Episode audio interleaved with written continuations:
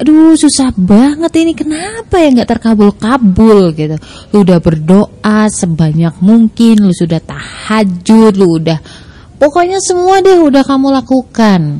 Gue punya satu kasus yang barangkali bisa sedikit ngebantu kamu untuk memahami situasi yang sedang terjadi dalam diri kalian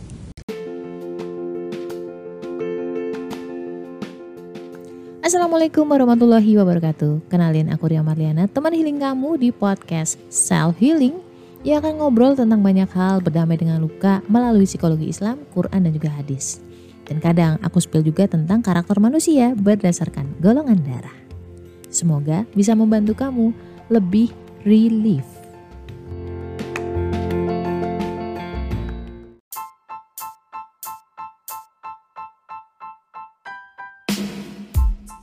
jujur li temen gue ini tuh cewek lebih muda dari gue mungkin sekitar ya mungkin lima tahunan lah lebih muda dibanding gue.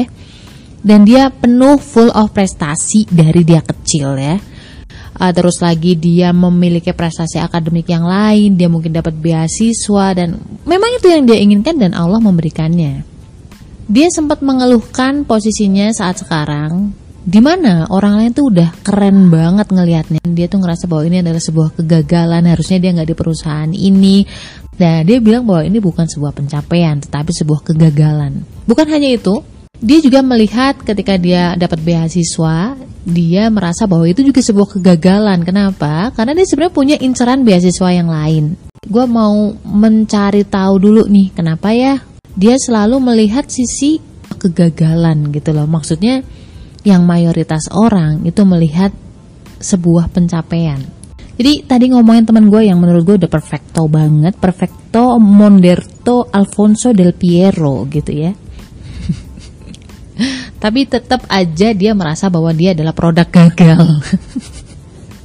Dan terus kebayang gak sih bahwa apalah gue nggak ngomong belepotan Dia tuh kalau ngomong tuh meyakinkan banget loh Serius nih Sistematis, detail gitu Udah sistematis, detail ya gak sih ternyata dari kecilnya memang dia memiliki orang tua yang menurut gue apa ya sangat inspiratif sih sangat inspiratif sebagai role model yang menurutku juga luar biasa punya prestasi juga dan dia selalu memberikan motivasi-motivasi serta kayak apa ya kalau gue bilang iming-iming ya bisa juga dibilang kayak gitu sih iming-iming nanti kalau kamu udah gede kamu begini begini begini. Kan aku sering ngobrol terutama masa lalu dia hal-hal yang penting buat dia dan salah satunya adalah peran dari orang tuanya.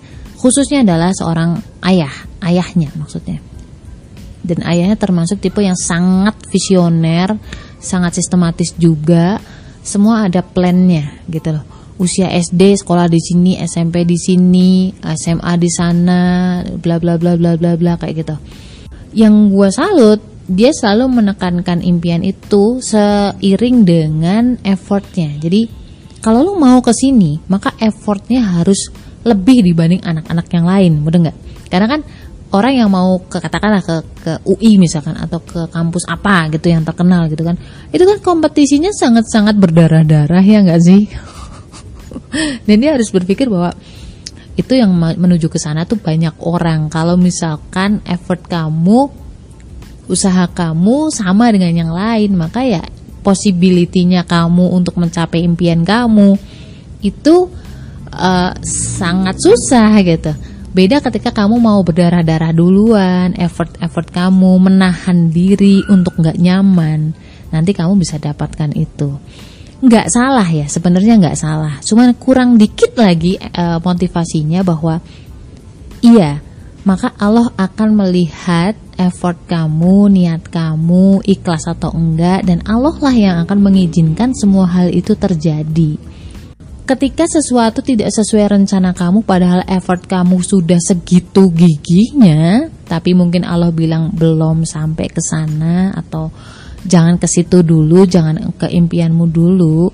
Akhirnya dia down gitu. Akhirnya dia stres sendiri, akhirnya dia merasa gagal. Padahal kan sebenarnya bisa jadi nih, misal tujuannya dia adalah perusahaan X gitu ya. Bisa jadi nih saat ini belum, saat ini belum. Kita mentalnya belum siap untuk sampai ke perusahaan impian atau kampus impian. Dalam hal ini bukan bukan mental secara duniawi, enggak, mental secara ukhrawi. Maksudnya gini, ketika kamu masuk ke perusahaan X, apakah nanti kamu merasa bahwa kamulah yang berjasa atau effort-effort kamulah, usaha dan ikhtiar kamulah yang menyebabkan kamu bisa masuk ke perusahaan ini. Nah, ini yang nggak dimau sama Allah. Kenapa? Itu sombong judulnya. Saya membaca behind the words-nya dia masih menganggap bahwa uh, doanya dia, effortnya dia itu yang membuat dia berhasil ke titik tertentu.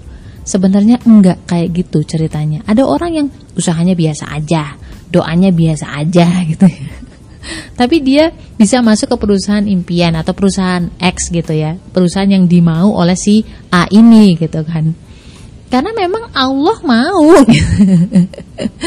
Semua itu kan tergantung ridhonya Allah kan. Allah tahu lah misalkan si B ini kenapa sih harus bisa masuk ke perusahaan X tanpa berdarah-darah sedangkan si A yang udah berdarah-darah nih belum masuk ke perusahaan X gitu. Ya karena Allah melihat ketika si A ditaruh di perusahaan X dia akan merasa dialah yang mengabulkan impian itu, effortnya lah. Itu sombong dan sombong adalah salah satu salah satu sifatnya Allah. Eh, sombong itu sat, sifat eh, apa sih? Sombong itu sifat yang hanya boleh dimiliki oleh Allah. Ya enggak? Yang menyebabkan semua terkabul. Ya Allah karena Allah. Effort terbaik itu tugas kita. Tapi yang mengabulkan impian bukan effortnya kita, tapi Allah. Belum lagi kalau dibahas soal niatnya. Niat kamu ke perusahaan X itu apa? Apakah ego pribadi ataukah untuk kebermanfaatan? Nah ini Allah tuh mikirin itu gitu. Kita udah pantas belum nih? Niat kita udah bener belum nih? Apakah ingin menjadi uh, orang yang diridhoi oleh Allah ataukah kita ingin menjadi orang yang dilihat wow sama sekitar gitu loh?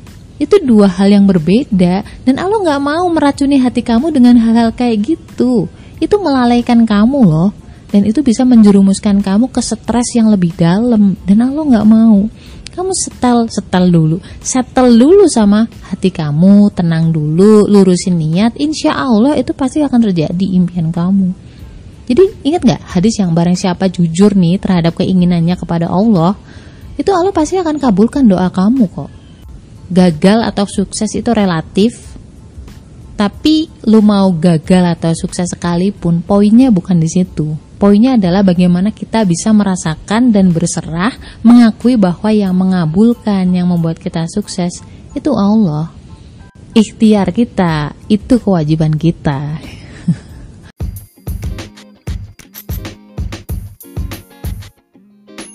Kenapa sih golongan darah B itu pelupa, susah banget ingat nama, cuek, nggak pekaan, nggak perhatian, Bedah itu semua dari buku cerita tentang karakter golongan darah B dengan judul Beauty in a Beast.